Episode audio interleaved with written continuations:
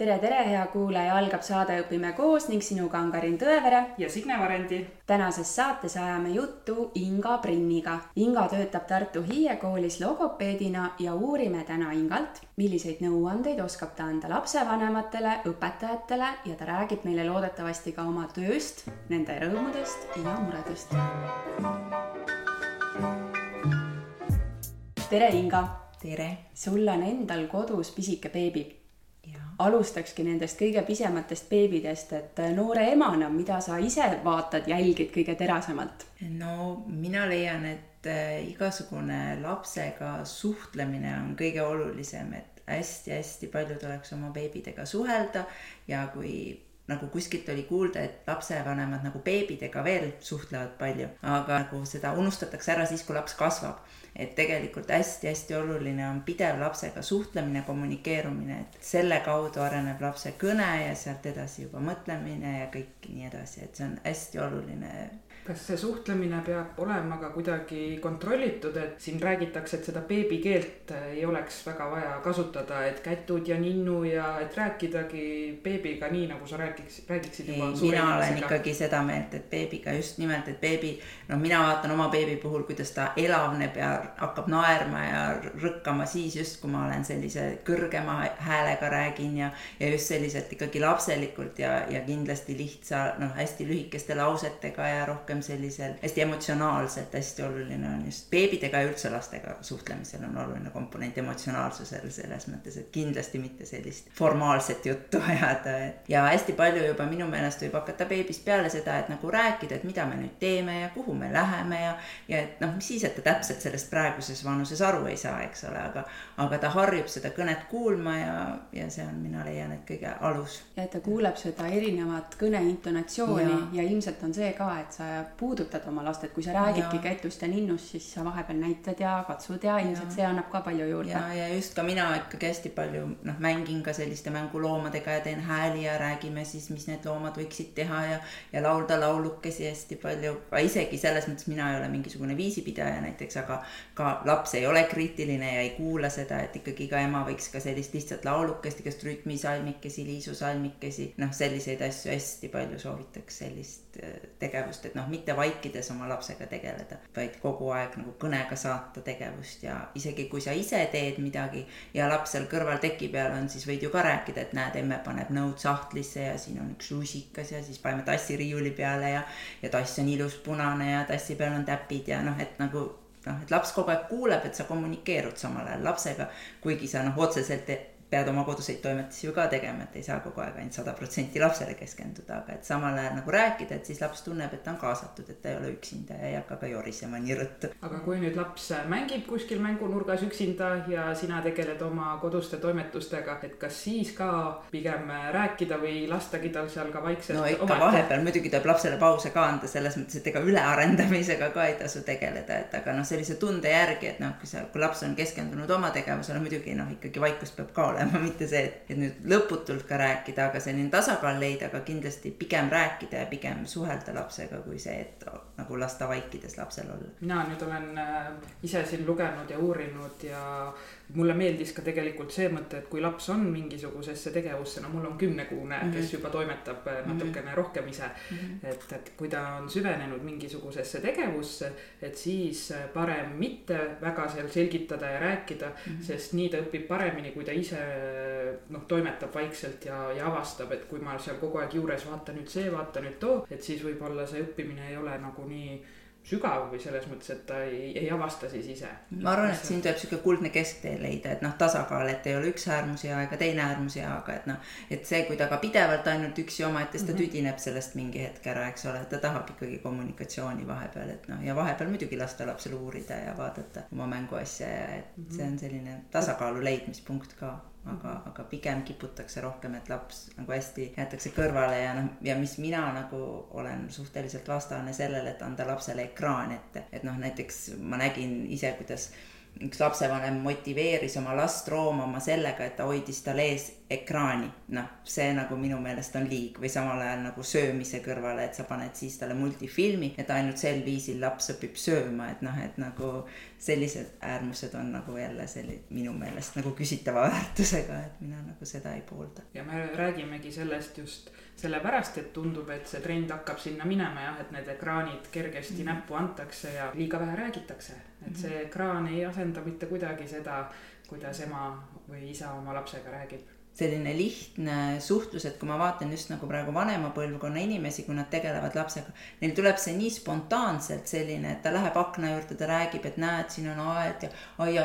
aia peal on vares ja näed, vares kraaksub ja noh, selline nagu suhtlus. ma mõtlen just, et see on nagu kõnearendus, eks ole, mida ta teeb. ja kuuekümneaastased inimesed umbes teevad seda spontaanselt, aga tänapäeva noored võib-olla nagu kuidagi on ära unustanud selle, et selline meeldetuletamise koht, et miks on nii palju lapsi pärast probleemidega lapsi lapsi, kelle kõne ei arene, kõne mõistmine ei arene, noh, et seal on, võib-olla ongi hakata otsima neid juuri just sellest, et liiga vähe pööratakse sellele väiksemana tähelepanu, et, et lapsele nagu sellist kõnelist konteksti luua ja, ja teda nagu kaasata ja oma mhm. tegemistesse ja, ja seda kõnega saata nagu. kui vanalt äh, peaks pöörduma logopeedi juurde, otsima abi üldse, olen kuulnud, et selline kaks aastat on number, mis mis paneb siis lapsevanemad pöörduma või? ja, ja noh, pigem alati mina leian seda, et noh, kui vanem näiteks tunneb, et ta vajab ka varem abi, ta võib ka varem alati pöörduda. kaheaastase lapsega, kes nagu üldse ei kõnele veel, et kindlasti võiks noh, et kellel puudub nagu igasugune soov, kõne, kõneline aktiivsus ja kes nagu ka ei mõista kõnet, siis isegi kui ei mõista kõnet, võiks veel varem mm. -hmm. et see on just see, et siis nagu vanem saab need nõuanded logopeedi käest ja ta saab ise hakata kodus tähelepanu pöörama, et see ei tähenda, et ta peab kuskil teraapias hakkama lapsega käima ja selle selleks ei ole reeglina ka logopeedidel ajalist ressurssi, aga logopeedid saavad nagu anda neid nõuandeid, mida kodus hakata noh, nagu vanemana ellu viima, et kui vanem tunneb, et ta on mure, siis pigem varem kui hiljem. minul on äh, õelaps on poolteist ja ta saab ma ütleks absoluutselt kõigest aru, et kui mm -hmm. sa mhm. ütled, et palun too see, mine tee seda mm, -hmm. vaata seda, ta kõike teeb. aga jah, seda sõna ta sinna juurde veel ei ütle mm -hmm. ja, ja tegelikult tal oli juba täiesti lamp kell, lill juba ilusti, sõnad selged, aga siis ta hakkas kõndima ja mulle tunduski, et äh, siis tal kogu see nii-öelda energia läks selle kõndima õppimise peale ja justkui need sõnad kadusid sealt tagant ära, et nüüd on ta poolteist, äh, ta saab kõigest aru, aga ta veel ei räägi, et mis sa ütled, kas peaks pöörduma või, või mitte no Ootama mida praegu võiks teha, on nagu see, et hästi palju tema tegevust kogu aeg kommenteerida. et ema võiks pidevalt nagu rääkida kõrval ja osutada asjadele, et see on see ja näiteks, et siin on kiisu ja näed, kiisu tudub, oi, kiisu läheb, kõnnib sinna aia juurde, kiisu sööb, kiisu sööb piima, noh, nagu sellist pidevalt kõnega saata. noh, või näiteks, et paneme mütsi pähe, oi, sul on punane müts mütsi peal on täpid, sul on punane täpiline müts, paneme mütsi pähe. noh, et nagu sellist hästi palju kõnega saatmist eh, kogu lapse tegevuselt, et mhm. esialgu võib-olla piisaks sellest ja vaadata, et kuidas siis hakkab sellel lapsel nagu minema, et ja siis alati noh, kui on vajadus, et siis tõesti võiks mm -hmm. minna ja küsida veel nõuandeid no siin praegu käis läbi see verstapost kaks aastat mm, -hmm. aga mis siis on need asjad, mis kaheaastane võiks, peaks või vastupidi, et mingisugused murekohad, et vaata, teeb mingit sellist asja, mis viitab võib-olla, et võib-olla tekib mingi mure. murekohana mina ikkagi võtaks selle poole, kui laps ei mõista kõnet, et kui ta ei saa aru korraldustest äh, või ta kuidagi on selline ebakindel või noh, jälle tuleb vaadata, et see mõistmine on ka alati niimoodi, et äh, emal, emale tundub, et laps mõistab kõnet ja lähematele inimestele aga et just, et kui võõrad temaga nagu suhtlevad, et kas ta siis ka mõistab või natuke võõramad inimesed, et kas ta siis ka saab aru lihtsamatest korraldustest, on nagu selles mõttes, toob neid asju, mida talt palutakse, teeb neid asju. see on üks märk, millele tuleks nagu tähelepanu pöörata. üldine selline aktiivsus, et kas ta on nagu huvitatud tegutsemisest, mänguasjadega tegutsemisest, kas ta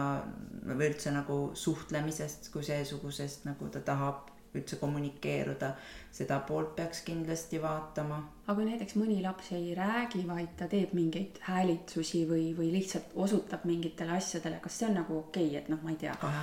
jah, et ütleb nüüd, ma ei tea, ema ütleb, et kus on triikraud ja siis ta näitab lihtsalt, eks ju. et see tuleb okay,, alati tulebki kui... enne see, et laps oskab näidata mm -hmm. neid asju, et see nagu nimetatakse, et passiivne kõne ja sõnavara, see tuleb enne. et alati ongi sedapidi, et laps oskab asju näidata mm, -hmm. korraldusi täita ja siis on, see ongi see nagu, mida mõistetakse selle kõne mõistmise all, et näita, kus on lamp, näita, kus on lill, et laps osutab, et see on nagu alati see, mis tulebki enne ja pärast siis tuleb see, et hakkab ise neid asju nimetama mm. ja ütlema ja kommenteerima veel ka. aga kui ta nüüd mõtleb nendele asjadele mingid omad nimed välja, see on okei okay, või kui ta ütleb näiteks noh, R-i ei ütle, K-d ei ütle, see on kaheaastastel väga okei okay.. absoluutselt ja et nagu kuskil noh, ütleme viiendal eluaastal peaks oskama laps nagu kõiki häälikuid korrektselt hääldada, et nagu enne seda raskemad häälikud R-i ei ole kindlasti enne kui neli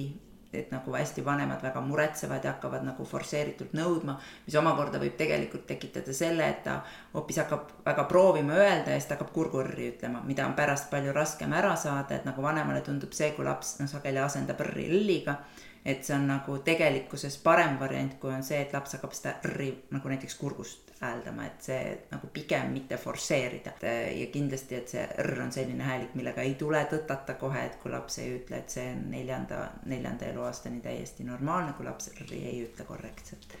aga teised häälikud, noh, tasapisi nad hakkavad tulema, aga kaheaastane kindlasti ei pea mm -hmm. häälikuid korrektselt ütlema. sõnad võivad olla veel lühendatud, võivad olla nagu just see, et ta võib ka näiteks silpeset lõpust veel ära jätta, oma sõnu nagu kasutada. tähtis on see, et tal nagu ikkagi nagu mingi ese ja noh mingisugune asi käib nagu kokku, et noh, selles mõttes on oluline et.... seoste loomine ikka. jah, seoste loomine. aga liigume siis väikelapse juurde. kindlasti jah, lasteaialaste puhul on ka see, et küsida nagu siukseid avatud küsimusi lapse käest, suunata teda nagu rääkima, mitte et laps saaks nagu ühe sõnaga vastata. just nagu miks küsimusi, et hakkaks analüüsima, mõtlema. kui laps ise ei vasta, siis pakkuda ise mingeid vastuse valikuid, nagu sellist suhtlemist, dialoogi pidamist on ka hästi oluline õpetada. ja ka näiteks tänapäeva lastele, kes on üsna siuksed, paljud ju väga rahutud, kes tahavad hästi ruttu-ruttu kõike, et nagu ka sellist äh, teise inimese ärakuulamist, äh, mitte vahele rääkimist, mina räägin, nüüd räägid sina. Võib-olla ka natuke mingeid viisakusele pöörata tähelepanu, et see natuke võib-olla hakkab ära kaduma, et ka selliseid aspekte võib-olla vanem võiks tähele panna. noh, lasteaialapsega kindlasti hästi palju seda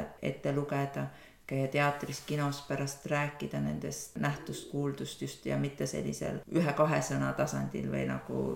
et ta vastab midagi ära ja hästi küll, et noh, kuidas meeldis ja meeldis on ju, et noh, just nagu, et hakata rääkima, kes need tegelased olid, mis nendega juhtus, mida nad tundsid siis nagu emotsioonidele võib-olla tähelepanu peaks nagu pöörama rohkem, et mis edasi võiks nendega juhtuda, sellist fantaasia arendamise mõttes, et vot sellist vestlust nagu arendada oma lastega võib-olla oleks üsna mõistlik noh, nagu suhelda lapsega tõesti siirast huvist, et võtta see aeg, et lapsega rääkida. noh, kui kuskile sõita, et autos mitte anda kätte nutiseadet, vaid samal ajal lapsega rääkida, noh, kasvõi mängida mingeid sõnamänge, et noh, vot selliseid asju,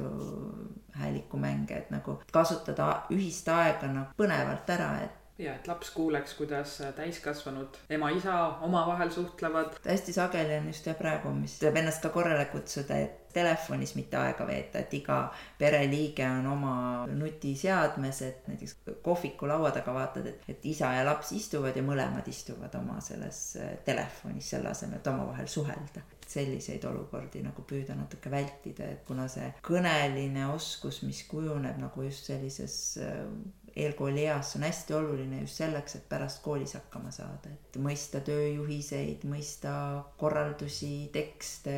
aru saada, et ja see kõne tuleb suhtlemise kaudu, et ei saa õppida nagu lihtsalt, et õpime sõnu või õpime lauseid, vaid see tuleb läbi suhtlemise kõige paremini. aga et vanem kindlasti ei tohiks kuidagi rõhuda sellele, et sa ütlesid valesti või ütle õigesti. laps, kelle, kes ütleme, teeb mingi vea, siis vanem võib selle nagu muus eas õigesti üle öelda, mhm. aga kindlasti mitte öelda, et et sa eksisid, et seda tuleb öelda nii. et see tekitab lapsel trotsi ja sellise hirmu. aga lihtsalt mööda minnes, et laps eksib seal mingisuguse, noh näiteks ütleb joodakse, et kui laps näiteks ütleb sõna joodakse, et siis vanem ütleb jaa, juuakse, õige, jaa, siit juuakse, et, et nagu ta nagu äh, julgustab, julgustab, aga ta ei ütle, et näed, et nii ei tohi öelda, et joodakse, see ei ole õige, tuleb öelda juuakse. et vot sellist tänitamist ja sellist asja ei tohi kindlasti olla, et see ei soodusta kuidagi kõne arenemist, pigem lihtsalt sujuvalt parandada. ja väikse lapse puhul laiendada lapse öeldut, et nagu kui laps ütleb, et näed, auto on ju, jaa, punane auto, punane auto sõidab, näed, onu sõidab autoga, et noh, nagu sellist lapse öeldut alati laiendada, et see on nagu üks kindel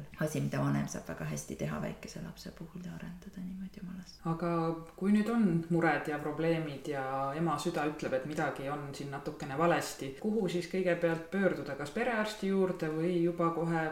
on mingid muud kohad? või on äkki mingi ka lehekülg internetis, kus logopeedid annavadki nõu või nõuandeid mm? -hmm kindlasti see perearsti poole pöördumine ei ole halb mõte, sest perearstidel on olemas ka teatud teraapiafond, mida nad saavad nagu siis kasutada, et suunata nagu kliinikusse logopeedide konsultatsioonile. et äh, perearsti kaudu oleks mõistlik alustada nii väikestega. Ja siis äh, kliinikute juures töötavad siis logopeedid, kes nii väikeseid vastu võtavad, et noh, ja on ka võimalus saada, kui on nüüd probleem äh,, lapsel mingi suurem probleem, siis muidugi on nii, et ta peaks taotlema talle puude ja puude kaudu rehabilitatsiooniteenuse raames saab ka logopeedilist abi, aga see on järjest äh, keerulisem, kuna nad ainult kõneprobleemiga ei taheta anda lastele seda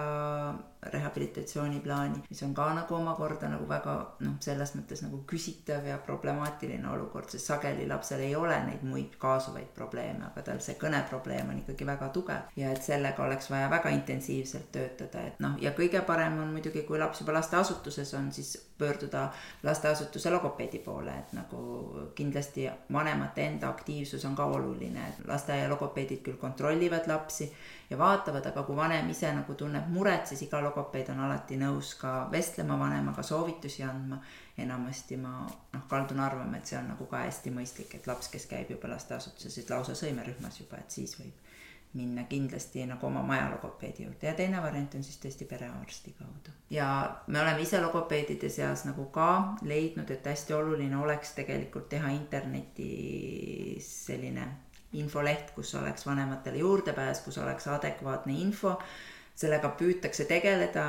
nagu ikka on paljuski probleem rahastamise taga, et kui nüüd saadakse kuidagi mingid rahad, noh, ühesõnaga plaan on, et eh, oma ala nagu spetsialistid hakkaksid sinna siis vastavaid igasuguseid artikleid, videosid üles laadima, et internetis on liik veel nagu selline vanemate omaalgatusi mis ei ole nagu väga head ja nad nimetavad neid logopeedilisteks mängudeks natukene eksitav, et, et see on tore, kui vanematel on oma algatus, aga see oleks hea, kui saaks koostöö nagu päri noh, logopeedidega, et kes vaataks üle ja et need algatused nagu oleksid õiged ja lapsele kasu toovad. kahju nad enamasti ei tee, kasutegur jääb jääb nõrgaks ja pigem on see natuke teisi vanemaid eksitav, sest vanem arvab, et see on ju nüüd logopeediline mäng, mis viib kuhugi, aga tegelikult see alati nii ei ole. sellepärast nüüd nagu logopeedid ise keskis plaanivad sellist lehte luua, kui rahastust vähekegi saaks, et, et kus oleks adekvaatne info, mida tõesti vanemad saaksid kasutada ja mis oleks usaldusväärne. aga noh, siin on jälle see, et, et, et ei ole tegelikult kaht sarnase probleemiga last et alati on nii, et tegelikult enne kui kasutada selliseid videosid, tuleks äh, oma lapsest lähtuvalt kellegiga konsulteerida nende mm -hmm. videode suhtes, et ei ole see, et ma võtan ja hakkan nüüd oma last ravima interneti teel, et või seda kõneprobleemi. kui tekivad need materjalid, siis tuleb ka konsulteerida eelnevalt ja siis kasutada neid materjale vastavalt nõuannet. Äh, sina oled töötanud ka lasteaias mm, -hmm. täpsemalt Tartu Nukitsamehe lasteaias, kus äh, õpivad siis missugused lapsed? sel ajal, kui mina seal töötasin, olidki seal erinevate puuetega lapsed et mina töötasin tasandusrühmas, mis tähendab, et tasandusrühmas siis äh, õppisid kõneprobleemidega lapsed, aga seal oli ka arenguhäiretega laste rühm mingil perioodil oli ka kuulmispuudega laste rühm eraldi. tol ajal mina töötasin tasandusrühmas ja, ja kus olid erinevad kõneprobleemidega lapsed ja oli veel periood, kui need kõne, äh, kõnepuuetega lapsed olid nagu internaadis. see tähendas seda, et näiteks Võru maakonna pisike laps oligi öösel seal lasteaias selleks, et ta saaks oma abi kätte ja mida ma ühest küljest ma nagu saan emana aru, et väga raske on oma last panna internaati, aga teisest küljest, kui ma näen sinna Hiie kooli tulevaid lapsi, kes on seitsmeaastased ja nad ei ole õigel ajal abi kätte saanud ja nad peavadki lõpuks ikkagi sinna internaati tulema, siis võib-olla oleks ikkagi lahendus Eestile see, kui oleks mingites suuremates keskustes lasteaiad, kuhu tõesti ikkagi la noh, saaks lapsed selle intensiivse abi varakult kätte, sest hästi oluline on igasuguste arengu ja kõneprobleemide korral see, et abi oleks võimalikult ruttu kätte saadud. igasugune korrektsioonitöö algus võimalikult varakult on see, mis viib nagu sihile ja laps võib hakata väga ilusti saama, noh, või laps saab enda probleemist nii üle, et ta saabki hakata tavakoolis käima ja tal ei teki mingeid raskusi. aga vastupidi, kui on edasi lükatud ja lükatakse ja lükatakse edasi, et noh, küll läheb, ehk läheb paremaks, siis on kahjuks sageli see, et tegelikult lapse raskused hakkavad väljenduma koolis ja, ja siis on juba hästi palju raskem neid kõrvaldada. seda ma küll nagu tahan rõhutada, et, et mitte karta igasuguseid erirühmi ja seda eriabi, et, et pigem nagu kui teid soovitatakse minna lapsega kuskile erirühma, siis palun pigem minge, et äh, kui laps saab varem selle oma abi kätte, siis ta saab tulevikus palju paremini hakkama, et ja ta ja teil endal on tegelikult kergem, et nagu lapsevanem peab käima mitme spetsialisti juures, võib-olla paremal juhul ta saab siis ühe korra nädalas seal tavalasteaias selle logopeedilise abi, üks kord nädalas võib-olla rehabilitatsiooniteenuse raames, üks kord nädalas veel kuskil. tal tuleb küll jah, kolm logopeeditundi nädalas aga need logopeedid ei jaksa teha omavahel koostööd enamasti, noh, on erandeid, aga enamasti mitte. teiseks, see käekiri on ikkagi erinev, et pigem selles tasandusrühmas on tagatud näiteks see, et laps saab igapäevaselt logopeedilist abi. Ja tal on süsteemne õpetus koostöös rühmaõpetajaga, kes teeb ka veel sarnast asja, et hästi oluline on selline intensiivne õpetus, mis on omavahel integreeritud, et ei ole see, et üks spetsialist õpetab seal näiteks mööbliesemeid, teine õpetab hoopiski riietust või midagi taolist, et noh, lapsel on see väga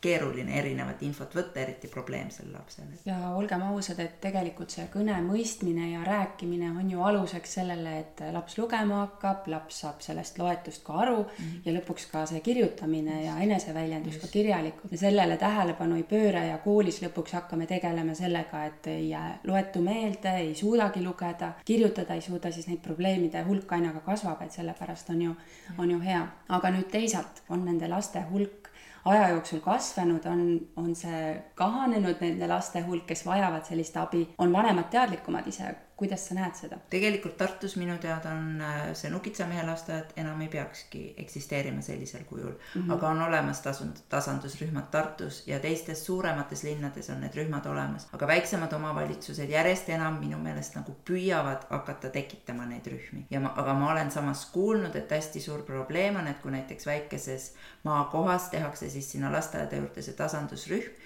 siis nagu see vanem nagu tunneb kuidagi, et tal on väga raske seda last sinna rühma panna, et nüüd teised hakkavad näed vaatama, et minu laps käib seal rühmas, et ma soovitan vanemal sellest selles mõttes üle olla, et seada esiplaanile oma lapse vajadus ja mitte see, et mida teised minust ja minu lapsest arvavad, vaid sellest, et, et, et teie laps saaks selle parima võimaliku hariduse ja korrektsiooni kätte, et nagu selles mõttes ma julgen soovitada, et mitte karta neid tasandusrühmi. kindlasti on probleem, et neid rühmi on pigem vähe, soovijaid on rohkem, väiksemates kohtades neid üldse ei ole, probleemiks on ka logopeedide puudus, noh, selles mõttes, et ikkagi äh, suuremates keskustes veel on logopeede leida, aga väiksemates on ikkagi väga raske neid leida. osaliselt on probleemiks ilmselt see ka, et nagu ei suudeta motiveerida, et miks peaks minema noor spetsialist väiksesse kohta elama, et võib-olla peaks omavalitsused mingeid suuremaid hüvesid pakkuma ja kõrgemat palka, et tegelikult on väga palju piirkondi Eestis ikkagi, kus on see abi väga raskesti kättesaadav, isegi kui vanem väga tahab ja püüab oma last aidata, siis tegelikult talle ei ole väga võimalusi selleks. aga kui me nüüd võrdleme tavalasteaia rühma ja võrdleme seda tasandusrühma, et -hmm. mille poolest ta siis erineb, et kas ongi ainult see, et lapsel on võimalus käia rohkem logopeedi juures või on see kuidagi õppetööga kuidagi teisiti üles ehitatud, laste arv teine, räägi sellest ka mm. -hmm. laste arv on väiksem, äh, vanasti nüüd hetkeseisu ma nii täpselt ei tea, aga peaks olema vist kaksteist last rühmas. tol ajal, kui mina töötasin, oli kaksteist last rühmas ja hästi oluline on seal see, et on rühma peale logopeed ja rühmaõpetajad ideaalsel juhul on ka eripedagoogilise haridusega. ehk siis äh, logopeed ja rühmaõpetajad mõistavad üksteist, nad teevad ühtselt tööd, nad töötavad meeskonnana, et see on nagu hästi oluline, mida tavalasteaias suures majas on raske tagada. on kindlasti erandeid, et saab seda teha, et ma ei ütle, et seda kunagi ei ole, aga kindlasti parem meeskonnatöö ja võimalus seda meeskonnatööd teha on niimoodi, et tasandusrühma piires. Ja siis on see, et seal on tavaliselt kindel nädala teema, üks kõnearenduslik teema siis, mille raames et ütleme, laps tegeleb selle teema raames nii ütleme, käeline tegevus on sellest teemast lähtuv, on ka muusikategevus, kõik see on nagu seotud noh, samamoodi üks, eks matemaatikasse integreeritakse seda näiteks ütleme, et on metsateema, sügis metsas, et siis äh, matemaatikas on, äh, loendatakse neid stseeni ja räägitakse, mis erinevaid stseeni on, eks ole, siis äh, joonistatakse sedasama näiteks kas kukeseent või mingit muud seent, jälle räägitakse, siis voolitakse sedasama, kleebitakse sedasama jälle nagu seent ja räägitakse juurde sinna, et need seentest ja metsast, metsaelust sügisel ja nii edasi, et nagu kuidagi, et see kõik on nagu ühtseks tervikuks seotud ja logopeed siis lähtub omal jälle seda, ütleme, et kas ta õpetab seal mingit grammatilist vormi, ta lähtub ka sellest metsateemast või ta õpetab siis mingit lause loomeoskust, lähtub jälle sellest metsateemast, õpetab suhtlemisoskust, siis mingit dialoogi pidama näiteks omavahel, et kas me lähme koos metsa, mida me seal teeme, mida me kaasa võtame, noh jälle või siis näiteks on mingi pildiseeria, mida järjestatakse, on ka jälle selle sügisese teema ja metsaga seotud, et kõik see on nagu ühtne tervik, et see on nagu põhiline erinevus selle tavarühma ja tasandusrühma vahel, et. kuna laste arv on siis väiksem, on ka ja. õpetajatel parem koostööd teha ja, ja tänu sellele sest nad saavadki keskenduda mm -hmm. noh, ühele seltskonnale ja, ja logopeed saab ainult selle rühma päralt olla mm. -hmm. et muidu on ju logopeed terve maja laste päralt, et noh, et see mhm. Lihtsalt ei ole võimalik, et siis ta kõigisse nii täpselt süveneb. kas sa seda poolt ka tead, et, et meil siin jah, neid rühmi on vähe ja võib-olla vanemad väga ei taha, et tema laps sinna läheks, aga et kas on ka selliseid juhtumeid, kus pigem vanem just väga tahab ja tal on raske sinna saada? jah, on, kindlasti on, et nagu ja just nagu maakonnalastel on nagu raskused selles mõttes, et nagu linnalasteaeda ju ei võeta näiteks kasvõi Tartu maakonna laps et noh, kui ta tahaks tulla Tartu linna lasteaeda, kus on need tasandusrühmad, teda ei võeta ja kui tema oma vallal ei ole seda tasandusrühma, siis mm -hmm. ta jääbki nagu kuidagi sellisesse raskesse olukorda. et ja siis ongi, et no ma ütlen, et me näeme ära siis sageli need lapsed jõuavad sinna Hiie kooli siis täpselt see, et seitsmendaks eluaastaks nad on kuidagi mingit abi saanud. vanemad on kõigest vähest üritanud näiteks käia linnas logopeedi juures korra-paar nädalas, nii palju kui on võimalik, siis on seal lasteaias olnud võib-olla logopeed nädalas korra aga noh, see laps ongi täpselt saanud, et ta on killukesi saanud, aga temaga ei ole terviklikult saadud tegeleda. Ja siis on esimeses klassis, siis ta peab tulema siis ütleme erikooli just seetõttu, et ta pole õigel ajal oma abi kätte saanud. ja isegi on ka neid lapsi, kellega on ka tegeletud, ta peab ikkagi jätkama erikoolis, aga see on nagu just see selline kurb koht, kus sa näed, et nagu tegelikult võib-olla oleks saanud ära hoida selle, et ta peab pärast tulema näiteks kodust eemale internaatkooli, kui ta oleks saanud õigel ajal logopeedilise abi oma kodukohas kätte. aga sa töötasid äh, mitu aastat lasteaias, et kas sa saad tuua ka mõne sellise eduloo, et vot, et ma tegelesin selle lapsega aastaid ja tõesti see laps nagu sai selle nii-öelda keele ja kõne ja kõik selle mõistmise nii-öelda kätte, et, et see on ikkagi päriselt võimalik, et see ei ole lootusetu, et ja. ma käin seal tasandusrühmas ja lõpuks ma võib-olla ei, ikkagi ei saa, et noh, et annad sa lapsevanematele lootust, et no, minul endal üks edulugu on jah, selles mõttes, et siis tõesti oli vist üks neljane või viiene oli see tüdruk, kes tuli ja ta oli sisuliselt ikkagi no väga arusaamatu kõnega ja tal oli nii häälikuid puudu kui grammatika puudus, lausteid ei olnud, üksiksõnu kasutas. Ja ma läksin temaga nagu edasi niimoodi, et me läksime lasteaiast koos edasi sinna Hiie kooli. Mm -hmm. ja ma nägin ära tema kooli lõpetamise ja ma suhtlesin temaga kooli lõpus ja oli täiesti, täiesti ilusti-kenasti rääkis, ta saab endaga hakkama, ta saab, läks edasi õppima, käib tööl, et nagu tema on minu jaoks nagu selline noh, üks näide, kellega ma olen ise nagu kasvanud koos. Aga nüüd need äh, lasteaialapsed, et äh, milliseid äh, nõuandeid sa nüüd annad siis lapsevanematele, et nüüd on need märgid, et enne kooli peaks laps oskama, teadma, mõistma seda, et kas saad ka öelda mingisugused nii-öelda verstapostid jälle? no siin on vist natukene käärid nüüd selle riikliku õppekava ja selle vahel, mis nagu lasteaias nõudmised tegelikult õppekavas kirjas on ja mis on siis tegelikult see, kuidas koolis hakkab esimene klass, missuguse tempoga minema. et siin on nagu käärid, mistõttu lasteaias paraku tuleb sageli lapsi õpetada, ütleme nende mänguaja arvelt, et selleks, et tuleks koolis toime. tegelikult ütleme, esimesse klassi minev laps õppekava järgi peaks vist lugema minu teada ühe-kahesilbilisi sõnu, suutma nagu ütleme, häälida neid sõnu, määrata häälikute järjekorra ja nii edasi, mis oleks temale nagu see nõuetekohane, aga tegelikkus on see, et koolis peab laps oskama lugeda ja kirjutada selleks, et ellu jääda tavakoolis. Ja mistõttu siis lasteaed hästi väga pingutavad selle nimel ja vanemad ise nagu väga palju näevad vaeva selleks, et lapsed selle oskuse omandaksid, et siin on nagu see koht, kus tuleks ilmselt mõelda, et, et kas me tahame nagu saada seda, et lasteaias väga tähtsal kohal olev, ütleme selline sotsiaalsete oskuste õppimine ja mänguliste oskuste õppimine ja, ja selline osa, et kas seda on vaja alati asendada sellega, mis tegelikult võiks hakata koolis. ja seetõttu on väga raske öelda, et mis on need äh, nõudmised, sest nõudmised on tegelikult üsna kõrged. kui laps tavakoolis tahab hakkama saada, siis ta tegelikult peab oskama lugeda ja kirjutada. et see on reaalsus, kuigi õppekava näeb ette teisiti. no Karin, kuidas sa kommenteerid algklassi õpetajana, et kumb on siis tähtsam, kas see, et ikkagi laps tuleb ja juba oskab lugeda ja,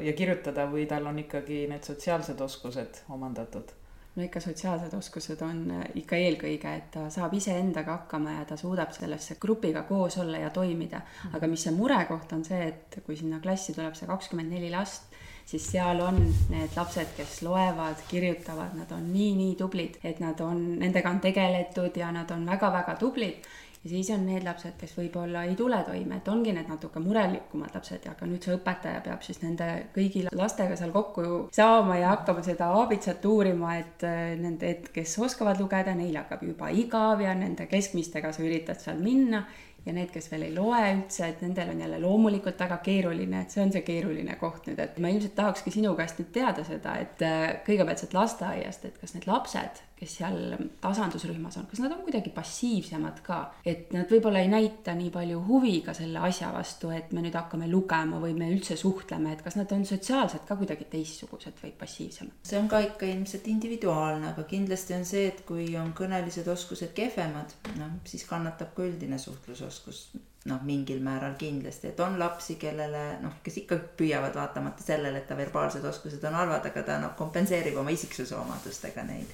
aga kindlasti natukene on neil raskem hakkama saada ka sellise suhtlusteemaga, sest kui sa ikkagi ennast väljendada ei saa kõne abil, mida meie ju valdavalt teeme, eks ole, siis on paraku mõnevõrra kindlasti, ma arvan, on on probleemiks see ka, et nendel lastel nagu on need sotsiaalsed oskused natukene.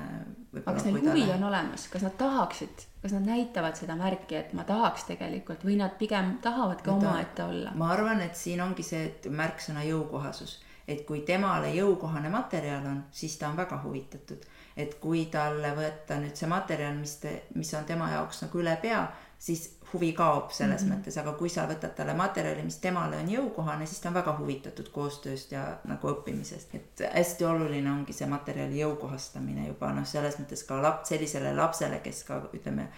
tal on mingi kõneprobleem ja ta on tavalasteaias siis tema puhul juba tuleks seda teha, et mitte anda talle sama töölehte, mitte anda talle sarnase raskusastmega sõnu seal häälimiseks ja kirjutamiseks, kui on nendel äh, tavalastel. et seda jõukohastamist tuleb teha nende laste puhul, noh, neid materjale, õppematerjale tuleb jõukohastada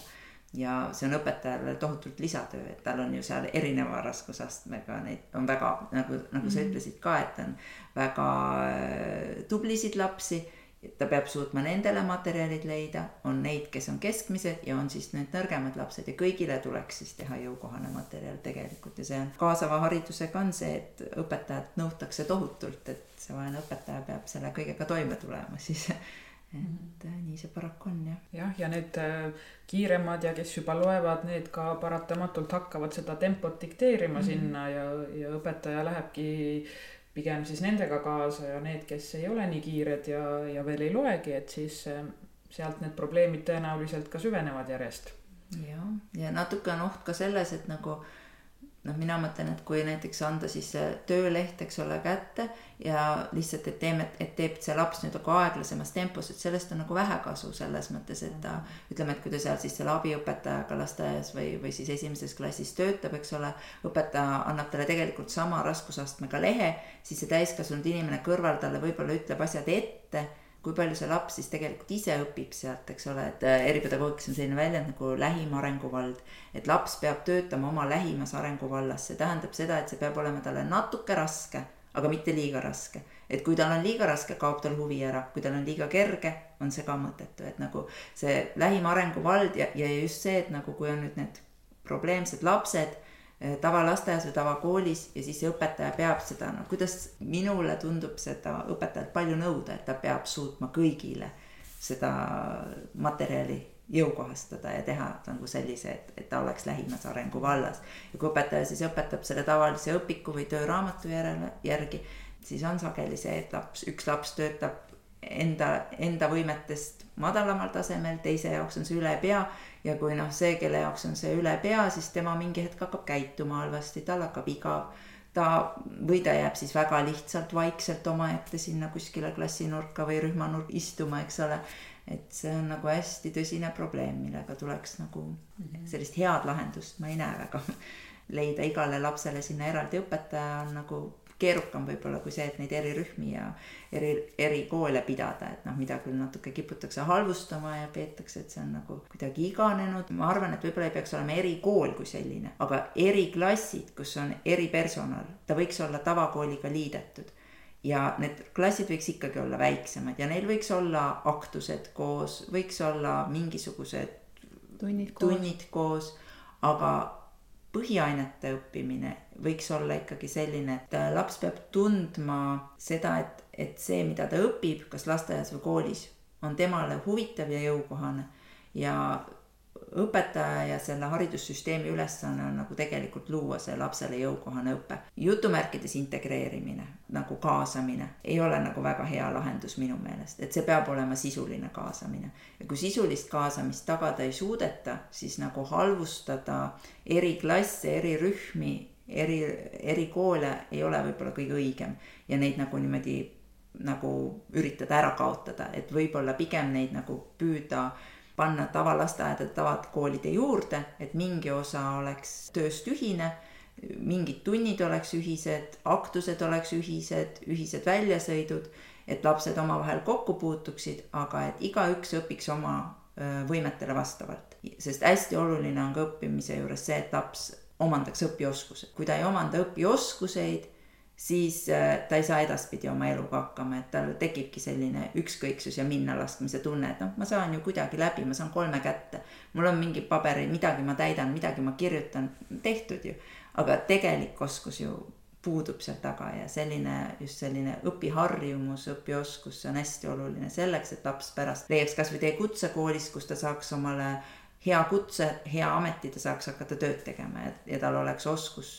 pingutada oma töös ja saada hakkama oma töö tegemisega. ma mõtlen seda, et, et need erikoolid, et räägitakse, et neid lapsi on nii palju, eks ju, et paneme need erilised lapsed tavakooli, et, et mille taga see siis on, et tegelikult kõik nii-öelda hariduses sees olevad inimesed jõuavad lõppkokkuvõttes sinna, kuhu sinagi jõudsid, et see eriklass, erirühm võiks olla selle tavakooli, tavalasteaia juures, et miks sinna ei jõuta siis, et kas see tõesti jääb ainult raha taha või on seal veel mingeid põhjusi? vot ei oska öelda ma ei ole nagu selle poolega kursis, et noh, ma ütlen, et mina näen seda, et vajadus erikoolide ja erirühmade järel on,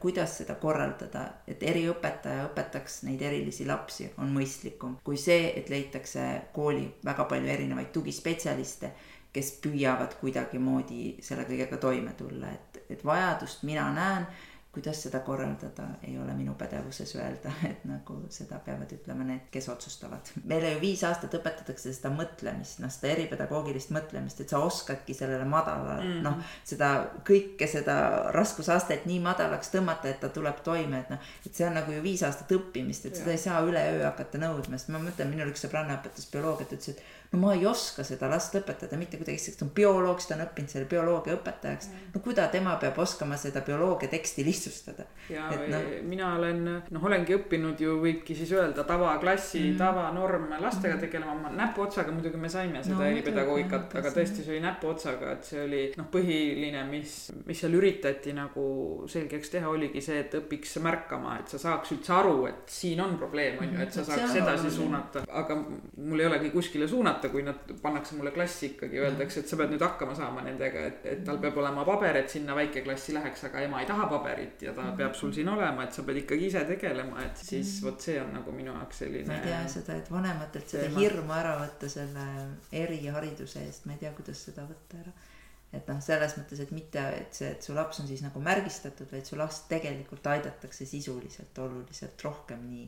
kui, kui vastupidisel juhul, et sa paned ta kõigest väest sinna tavaklassi. kui sa ei tea, mis seal koolis toimub ja sul on ainult oma kooliaja kogemus, siis sa nagu mõtledki, et oi, see ongi nii hirmus, kui juba minul oli nii hirmus, et mõte, ta nüüd on seal erikoolis või eriklassis, et siis on veel hirmsam, on ju. Mhm. et äh, kui sa oled nagu koolis töötanud, siis sa näed ja tead ja oskad nagu rohkem võib-olla mõelda selle peale, et on ju vajalik mu lapsele. lapse, jah, lapsevanem kardab seda sildistamist, aga tegelikult see noh, ma ütlen, et see on nagu ülla eesmärgi nimel tegelikult see, et ta saab tegelikult omale jõukohase hariduse, et noh, et kas parem on siis see, et su laps on nagu paberi peal kolmeline Ja. kui see, et ta tegelike oskustega on seal nelja-viieline, kellel on oma kõrge normaalne enesehinnang. noh, ta tunneb ennast turvaliselt, ta teab neid asju tõesti, mida ta on õppinud jõukohasel viisil, mitte see, et ta on paberi peal asjad omandanud, et noh, et seda julgus seda tunnistada on vist vanematele üks kõige nagu tähtsam asi, et nad julgevad hakata oma last tegelikult tahtma aidata. et mitte see, et nagu paberi peal aitame ja et kõik on hästi ja no, et eks see on raske jah, ilmselt selle tahad nagu pead liiva alla peita mõneti, aga, aga pigem tunnistada neid probleeme ja ja leida tõeliseid lahendusi. aga see ongi võib-olla selline lapsevanematega harimise küsimus, et, et nad teaksid, et need võimalused on olemas ja et nad mõistaksid, mis selle mhm. taga tegelikult on, et kui ma mm, -hmm. kui ma survestan seda last käima, käi- või olema sellises keskkonnas, mis talle tegelikult ei ole sood-, soodne mhm. keskkond, eks ju, arengut. et no, tihtipeale sellest jääb. paljuski ikkagi ju kõik äh, tuleb, peab su enda seest tulema, sa pead ise tahtma neid asju, sa pead ise tahtma nagu harida ennast selles vallas ja ise tahtma mõista ja, ja kui lapsevanemad tulevadki ise ka sellisest koolikeskkonnast, kus nad on võib-olla noh, ongi, nad ei ole ka ise õiges kohas olnud, on ju, aga see hirm on nii suur, et, et äh, siis äh, läheb sama muster, sama rada muudkui läheb nagu noh, edasi. spiraalina kordub ja ma ütleks, et näiteks see kaasav haridus praegu, et noh, kui ma mõtlen nagu selle peale, et kus koolis mina töötasin ja mm, -hmm. ja mis, mis kogemus mul on, siis ma ütleks, et, et äh, õpetajana, kui mul on klassis äh, erineva sellise tasemega lapsed, see on mhm. okei okay. see diferentseerimine, see on see, millega me mhm. tuleme toime ja mm -hmm. logopeedid on ja toeks. nad on toeks. psühholoogid tulevad appi, räägivad. kõik on nagu, kõik on tegelikult väga hästi, aga kui tuleb kooli, eks ju, selline käitumisraskustega laps, see on see, mis lööb elu nii pea peale, et see võtab selle töörõõmu ja selle diferentseerimisrõõmu ja kõik, kõik selle nagu ära, et sellega on väga-väga keeruline et kui mu laps, äh, klassis on laps, kes ei kuule hästi, ei näe hästi ja, või kes võtabki, kes ongi aeglasema mõtlemisega, et ma mhm. saan temaga pärast tundi, ma saan temaga rääkida, seletada mm. aga kui on käitumisraskustega laps, siis see on see, mis lõhub kogu selle asja ära, et siis mm, -hmm. siis mul ei ole enam seda energiat ka, et pärast tundi rääkida või ka tema on sellest päevast juba väsinud, sest tema on selles vales kohas olnud, eks ju, et, et see on see, mis on. aga meie näeme jälle sedapidi, et kui need nagu tavakoolist tulevad need käitumisraskustega lapsed, siis meil nad ei ole käitumise raskustega, sest nad saavad jõukohast õpet, noh, meil on nagu see kogemus, et noh mm -hmm., et ta hakkab päris ilusti käituma mm, -hmm. sest ta hakkab saama aru sellest, et ma tegelikult ju oskan ma tegelikult näed, saan hakkama, ma ei olegi see rumal, kes alati on jah, seal. no need käitumisraskustega lapsed on, eks ju, ka erinevad, osad on, osad on need, kellel on mm., hakkavad halvasti käitumine sellepärast, et nad saavad kõigest aru mm. või vastupidi, et nad ei saa, aga just, et nagu sellised diagnoosiga, kes mm. vajavad väikeklassi ja, ja kes võib-olla jõuavadki, eks ju, teie erikooli selles mm. mõttes, et ta jõuabki väiksemasse kollektiivi, kus tal on individuaalsem lähenemine, et päris nii ei saa, et kõik et üks tee on õige, et igal mm. asjal on. ei, ma ütlen ja, et ei ole sellist mustvalget maailma, aga et just, et, et karta ei tasu. minu sõnum on see, et nagu, et nagu, et midagi hullu seal ei tehta lastega. aga räägime sellest äh, Hiie koolist, et see on üks erikool, et sa küll hetkel oled beebiga kodune, aga mis äh, tööd täpsemalt sa seal tegid ja, ja missugused on õpilased, kes seal käivad mm? -hmm. Hiie kool on siis kuulmis- ja kõne erivajadustega laste kool. seal on siis eraldi klassid kuulmispuudega lastele ja on eraldi klassid siis kõnepuudega lastele, ehk siis valdavalt siis see kõnepuue seal kooli osas tähendab seda, et on ka juba lugemis-kirjutamisprobleemid. kas näha, et need tulevad või siis juba ongi käes. Ja kuulmispuudega lapsi Eestis, neid küll järjest väheneb, aga meie koolis on siis need lapsed, kes ei õpi viipekeeles, Tallinnas on olemas Tallinna Heleni kool seal õpivad kuulmispuudega ehk siis kurdid lapsed viipekeelt, meie koolis õpivad nad suulist kõnet nagu. ja kuulmispuude hulk järjest väheneb tänapäeval tänu sellele, et implantaadid on, kui see õigel ajal lapse, kurdile lapsele pannakse, siis ta äh, võimaldab tal minna õppima tavakooli. et äh, ja kui ta on õigel ajal saanud ka seda korrektsioonitööd, siis et mistõttu siis õnneks kuulmispuudega laste arv on tegelikult vähenenud päris drastiliselt võrreldes varasemate aegadega. et äh, meie koolis ka praegu see osakond on nagu väiksem osakaal, aga põhihulga siis meie kooli lastest moodustavadki kõne ja kõnepuudega lapsed ja siis ütleme, algklassides on just see kõnepuue valdav, aga siis ütleme seal kolmandasse, neljandas, juba ütleme isegi teise, kolmandasse, neljandasse klassi tulevad siis need lapsed, kes äh, tavakoolis ei tule toime. eelkõige siis lugemis-kirjutamisraskustega lapsed, et äh, kas neil on siis probleem äh, lugemise ja kirjutam-, noh nagu lugemisel tehniline probleem või on siis see mõistmisprobleem just, et nagu ei mõista seda, mida nad loevad. ja kirjutamisel samamoodi siis on need lapsed, kes ei, hääliku pikkuseid ei taju ja eksivad siis äh, õigekirjas just nagu häälikurühmade osas, et nad märgivad valesti ühe- ja kahekordseid tähti, et reegleid veel omandavad, aga just nad ei taju seda, et kas mingi häälik on teisest pikem või ja kuidas siis seda kirjas märgitakse. aga kuidas te neid siis aitate, kas te õpetate riikliku õppekava järgi või teil on lihtsustatud õppekava või mismoodi? Äh, meil on riiklik õppekava, kõnepuudega lapsed äh, saavad põhimõtteliselt Eesti riigi põhihariduse, aga nad õpivad kümme aastat selleks, et saada põhiharidus, üheksa klassi haridus, aga siis edasi on nad täiesti, võivad minna kas edasi gümnaasiumisse või kutsekooli, valdavalt minnakse kutsekooli ja ollakse seal väga tublid ja edukad ja omandatakse kutse. aga on ka neid, kes lähevad edasi gümnaasiumisse ja kuulmispuudega lastega on nii, et seal on nii riiklik õppekava kui siis ka on lihtsustatud õppekavaga. kuulmispuudega lapsed siis omandavad riikliku põhihariduse üheteist aastaga nii et nad käivad üksteist aastat selleks, et üheksa klassi haridust saada. ja ka jätkavad oma haridusteed reeglina siis äh, kutsekoolis, aga on erandeid, aga kutsekoolis tulevad kenasti toime. aga mida te siis lisaks äh, sellele ühele või kahele aastale siis juurde pakute, et äh, mis abi nad seal teie koolis saavad? -hmm. et meil ongi siis hästi intensiivselt saavad lapsed lisaks siis seda kõneravi, et mina töötangi nagu logopeedina ja siis töötan enamasti väiksemate algklassi õpilastega siis. Ja algklassi õpilased siis saavadki alguses individuaaltunde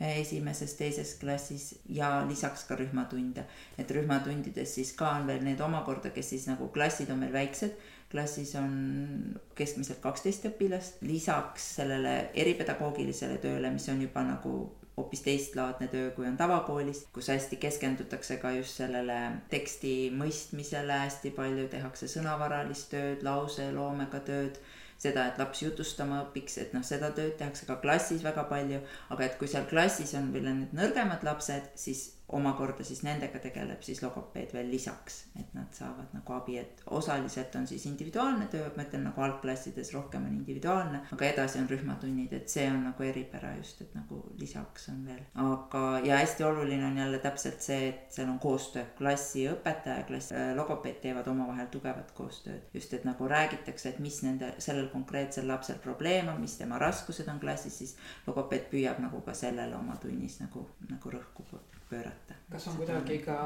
lastevanematega teistmoodi suhtlus, rohkem suheldakse mm., antakse tagasisidet? ja vanemad on alati nagu väga teretulnud, et mina logopeedina kutsun ka alati vanemaid, et nagu sügisel, kui ma olen lapsed üle vaadanud, siis et nagu kellega ma hakkan tööle kirjutan kirjad, et palun võtke ühendust, et hästi oluliseks pean, et need lapsed, kes nagu just eriti Tartu linna lapsed, kes käivad, et tavaliselt ütlen, et tulge ikkagi paari nädala tagant, küsige, mida me teeme, ma jagan neid materjale teile olen nagu hakanud ise võimalikult palju ka tegelema selliseid, tegema niisuguseid noh, pooleldi interaktiivseid materjale, mis just arvutis oleks kasutatavad, et saaks kodus neid sarnaseid asju siis üle harjutada, mida me oleme teinud ja et äh, hästi nagu püüan vanematega koostööd teha, et ja on vanemaid, kes kenasti tulevad kaasa ja nende puhul on ka kohe näha, et see edasiminek tuleb kiiremini, et hästi oluline on vanematega koostöö ja õpetajad samamoodi ikkagi. noh, pärast koolipäeva lõppu vanem on alati oodatud, et küsida, mida, kui midagi on nagu probleeme või muresid, et nagu vanematega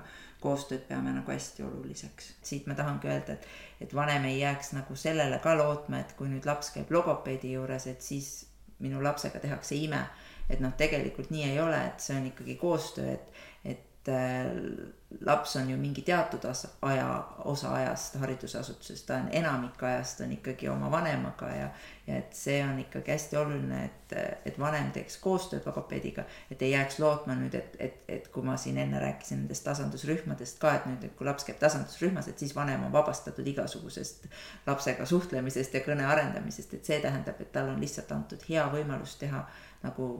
maksimaalset tööd oma lapsega koos, noh, sellist maksimaalne abi on tema lapsele tagatud, aga see, et laps ikkagi saavutaks need tulemused, on ikkagi väga suuresti ikkagi vanema õlul ka, et noh, et lihtsalt vanemal on kergem sellisel viisil, kui see, et ta käib kolme erineva spetsialisti juures. R-id ja S-id ja K-d, et mis siis teha, kui nad ei tule, et logopeed annab mingisugused harjutused ette, et siis tuleb neid harjutada ja. ütleme, lapsel on mingi häälik puudu või ta hääldab seda valesti, eh, siis see on täpselt ka, see töö läbib nagu erinevaid etappe, et ei ole niimoodi, et üks mingi kindel valem on, vaid osade kaupa hakkab logopeed seda õpetama lapsele ja ta hakkab samal ajal siis ideaalsel juhul peaks andma pidevalt jooksvalt lapsevanemale tagasisidet, et missugust tööd peaks siis lapsevanem tegema, et no näiteks kui ta alguses tuleb teha üldiseid, noh, üldtugevdavaid harjutusi, et üldse saaks seda häälikut esile kutsuda, noh siis võiks vanem neid harjutusi kodus teha, aga need on täpselt see, et nüüd on kindlad harjutused kindla häälikuga, et ei ole nii, et on mingid universaalsed harjutused ja need universaalharjutused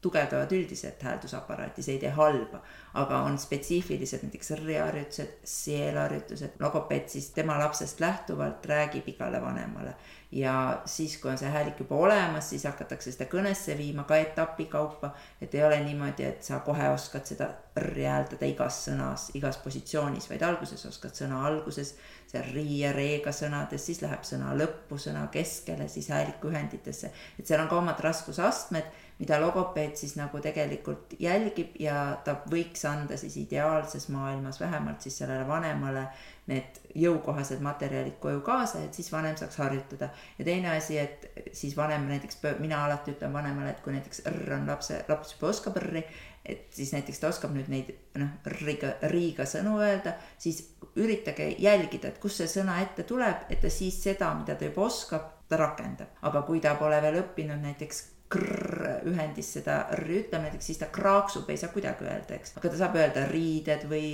rivi või riivib või noh, selliseid sõnu ta saab öelda. et siis tuleb lapselt alati nõuda seda, mida ta juba oskab, seda nõuda aga see, mida ta veel ei oska, et seda mitte noh, mitte hakata nõudma, sest siis täpselt see, et laps hakkab seda nagu püüd-, no on, on lapsi, kes kohe saavad selgeks ja hakkab kasutama, aga kui ta ei oska, tal ei ole veel jõukohane igal pool, igas positsioonis seda häält, häälikut öelda ja hakata temalt seda nõudma, siis võib-olla hakkab pingutama hoopis valesti või tekib hoopis rohkem lisaprobleeme, et selles mõttes on väga oluline koostöö. aga et vanem saab kinnistada seda, mida logopeed õpetab väga hästi. Kas nendel häälikutel on ka mingisugune ealine verstapost, et äh, mis ajaks peaks kõik häälikud ilusti olemas olema? lugesin just äsja targast raamatust, seal öeldi, et viiendaks eluaastaks peaks eesti keele hääldus olema lapsel nagu omandatud kõik äh, häälikud õigesti ja noh, hääldama sõnu korrektselt. ja ometi on meil täiskasvanud, kes äh, susistavad ja r-r-r juba ristavad ja kurgu R-i, et kas see on on see selline iga inimese eripära, mis võikski ja peakski niimoodi olema või peaks sellega ka täiskasvanud tööd tegema? läänemaailmas on ju üldse nii, et järjest vähem pööratakse tähelepanu hääldusele ja see ei ole nagu kuidagi probleemiks, et meil senini on see siiski nagu olnud niimoodi, et on kindlad nõudmised, mis võiks nagu olla nagu õige hääldusmuster. aga noh, see on nii ja naa, et äh, ilmselt ikkagi mina logopeedina arvan, et võiks võimaluse korral inimene omandada õige häälduse, et on juhtumeid, kus tõesti mingi anatoomilise eripära tõttu ka ei ole võimalik, et siis loomulikult mitte, aga lihtsalt ütleme selle tõttu, et ei ole logopeedi kätte saa-, logopeediline abi kättesaadav või, või vanem lihtsalt arvab, et jõle põnev on, kui minu laps nii räägib, et noh, seda ma vist, sellist vaatenurka ma ei poolda aga kuidas sulle tundub, et noh, sa koolilastega, võib-olla sellise tavakooli lastega kokku väga ei puutu, aga ilmselt sa seda õppekirjandust oled äh, vaadanud kasvõi esimese klassi aabitsat ja mulle tundub no. endale, et aabitsad on hirmkeeruliseks läinud. no meie kasutame oma koolis tegelikult erikooli aabitsat, meie selline väga hea vana õppejõud, kes väga suurte kogemustega, tema loodud aabits, Kargar Lepi aabits, mis on, ütleme, selline jõukohane just nendele lastele, kes peavad nagu lihtsamal viisil lugema ja kirjutama õppima, kui, kui on see, mis on ette nähtud, ütleme need tavaabitsad, et mina nimetaksin, et need tavakooli aabitsad on rohkem nagu lugemikud mm. -hmm. et nad ei ole nagu aabitsad, et mina nagu näeksin ühte lugema õppimise raamatut äh, sellisena, et, et seal oleks nagu võib-olla kaks või kolm eraldi raskusastet, et sama tekst, sama materjal oleks nagu kolmes raskusastmes, et siis oleks nagu võimalik sellel, kes väga hästi juba nagu oskab, tema jaoks oleks see nagu tekstilisem, siis oleks üks lihtsam tekst ja oleks ka siis selline, kus oleks tõesti üksiksõnad, mida saaks see ka kõige nõrgem laps harjutada ja õppida, et mina näeksin kuidagi sellist äh, materjali nagu, mis võib-olla oleks nagu rohkem jõukohane, sest minu jaoks lugemikud just, et nad on ikkagi liiga keerukad et ma olen ühte oma sõbranna poega nagu, kes läkski esimesse klassi, osates neid asju, mida lasteaias oli ette nähtud. ta vastas täiesti sellele lasteaia õppekavale, aga kui ta kooli läks, siis noh, paari nädalaga selgus, et ta ei vasta sellele klassi nõudmistele. aga oligi täpselt see, et tema läks kooli, osates lugeda muna, kana mm, -hmm. lumi ja nii edasi, aga koolis hakati nõudma lauselisi pikki tekste, eks ole, noh ja siis tekkisidki käärid, aga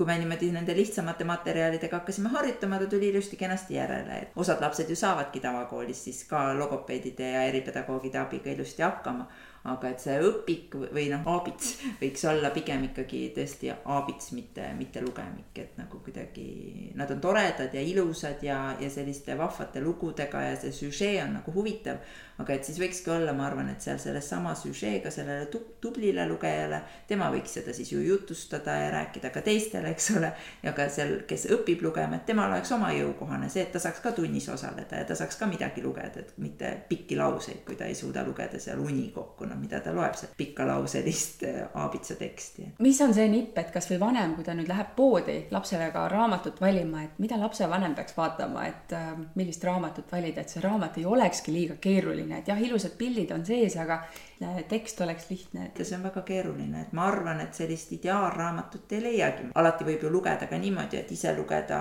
keerukamad sõnad, lapsel lasta lugeda neid lihtsamaid sõnu noh, võib-olla alguses tervikuna näiteks ka ise ette lugeda see lugu ja siis hakata lapsega kuidagi osade kaupa sealt lugema. ei ole vist sihukest ideaallahendust. võib ka nii teha, et alguses osta see raamat ja sinna näiteks ise siis kleepida peale lihtsam lugu, teha ise need laused lihtsaks, aga see on päris keeruline. Öeldakse, et nagu tavaõpetajad ka, et lihtsustage õpiku tekste, aga kui see nagu nüüd kätte võtta, see õpik ja hakata lihtsustama, siis see eeldab ikka teatavat oskust. julgen soovitada sellisele algavale lugema hakkajale lapsele on äh, minu hea kolleeg Kristel Lempu on kirjutanud raamatud äh, paar tükki. Äh, üks on Tammehald ja Siie minu arust ja teine on Dino seiklused. et need on sellised raamatud, mis on nagu esimene lug-, noh, raamat võiks olla, kust laps ise jõukohaselt loeb ja seal on ka vanemale soovitused, kuidas selle tekstiga lapsega töötada et vot seda ma julgen soovitada, mis on selline nagu raamat, aga mis on jõukohane raamat, Eesti autori tehtud. ja lastekirjandust ma soovitan väga lastele ette lugeda, et noh, et ei pea ju see laps ise seda tervet, tervet raamatut seal lugema hakkama ja mis on raske, aga, aga ette lugeda ja mitte ainult lugeda, vaid kindlasti arutada. noh, selles mõttes, et lapsele lugeda ka lõikude kaupa, küsida küsimusi, mida laps sellest meelde jäi. Siukseid miks küsimusi, arutada selle üle, mida loeti, et ma sageli kuulen, et no ta peab lugema, ma ei tea, viis lehekülge päevas, eks ole, no siis laps ütleb, mul on see viis lehekülge loetud, vanem ütleb tubli, hästi, millest juttu oli, noh siis ta midagi ütleb ära, noh tehtud. aga et vanem võtaks vaevaks ka ise see viis lehekülge lugeda ja siis arutada seda, mida see viis lehekülge siis sisaldas, siis oleks sellest kõigile tore. Ja nii võib-olla kuidagi lapse lugemise harjumusi tekitada ja suurendada. Me vist nüüd oleme otsapidi jõudnud sinna no peaaegu täiskasvanuteni, et äh, sa rääkisid sellest, kuidas lõpetatakse põhikool ja, ja asutakse õppima kutseõppeasutustesse, et sa vist oled natukene ka kokku puutunud täiskasvanutega. Äh,. olen siis tegelenud afaasiaga inimestega, need on inimesed, kes on siis ajukahjustuse tagajärjel kõne kaotanud. levinum põhjus on siis insult, aga on ka siis kasvajad või siis traumad, mille tõttu ka nooremad inimesed kaotavad kõne ja nad vajavad siis ka samamoodi nagu lapsedki uuesti logopeedi abi. Neid tuleb siis õpetada nii rääkima, kõnet mõistma paljudel juhtudel, juhtudel neil kaob ka lugemis-kirjutamise oskus ära, et põhimõtteliselt täiskasvanud täiesti toimiv inimene võib olla hetkega samas seisus, kus siis on lapsed. mina olen natukene ise töötanud siin Tartus Gildi polikliinikus, kus mina olen nendega kokku puutunud ja no valdavalt siis tegelevad kliinikumi logopeedid nende inimestega. ja on olemas ka siis Tartumaa afaasiaühing, mis koondab neid inimesi, et anda pigem just neile nagu võimalus suhelda omavahel, sest reeglina, kui inimene kaotab kõnevõime, siis kaob ka ära see selline igapäevane suhtlus, et siis need inimesed nüüd saavadki koos käia ja siis logopeedid siis nüüd on hetkel Liis Linde, kes siis nagu tegeleb selle ühinguga, mina olin ka mingi periood selle ühingus, noh, see, kes korraldas, nüüd ma käin seal nagu võimalusel kohal ja suhtlen ka, et just selline, et need inimesed saaks kodust välja, neil oleks mingi väljund uuesti, lisaks sellele, et nad käivad teraapias siis logopeedide juures. no sa oled töötanud niivõrd äh, erinevas vanuses inimestega, et äh, kus sa tunned ennast võib-olla kõige kodusemalt, et äh, kes on see grupp, kellega sa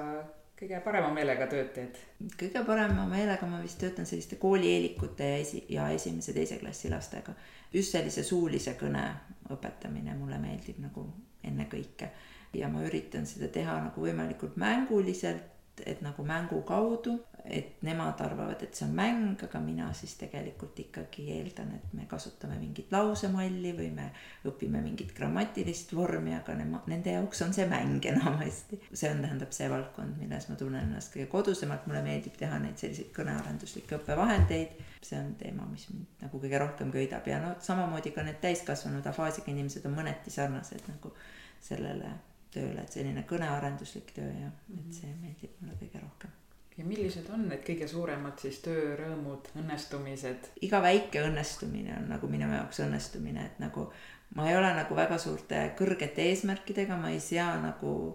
äh, väga kõrgeid eesmärke ma nagu pigem rõõmustan iga väikese edusammu üle, et, et ma arvan, et need killukesed annavad terviku kokku, mis nagu mulle pakub seda rõõmu, et üritan võimalikult noh, lapsest või siis täiskasvanust ja tema võimetest lähtuda, temale jõukohasel viisil üritada teda õpetada ja et siis, kui temal tekib sealt siis see edu, et siis ma olen rõõmus sellega, et ta saab sealt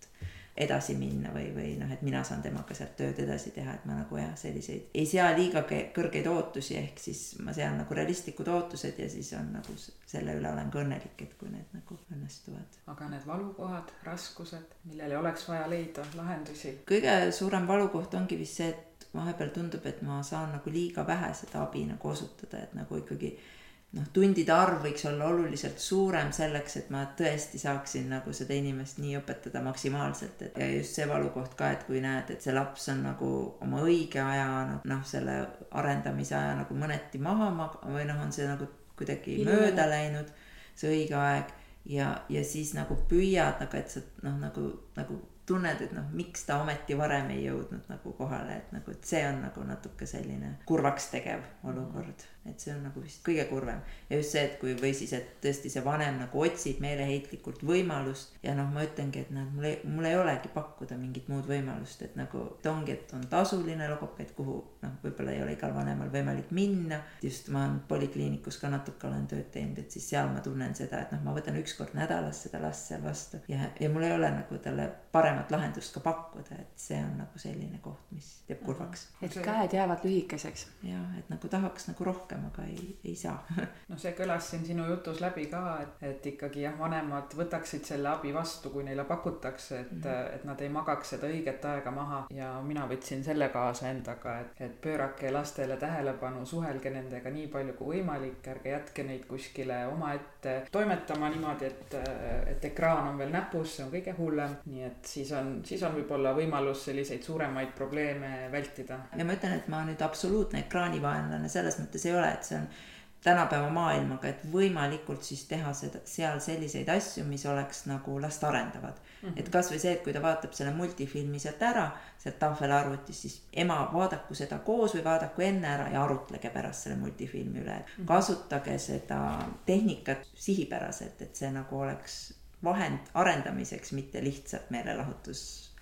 seadeldis või noh ja võib-olla ikkagi viia rohkem oma lapsi juba väiksest peale vanema, vanaisa juurde, kellele tuleb see nii loomulikult lastega suhelda. see teeb sulle endale head, ma just viisin oma kümnekuuse poja kaheks päevaks maale, nii et äh, siis sellest tunnevad kõik rõõmu. ja, ja kindlasti ja, ja, ja ma ütlen, et see,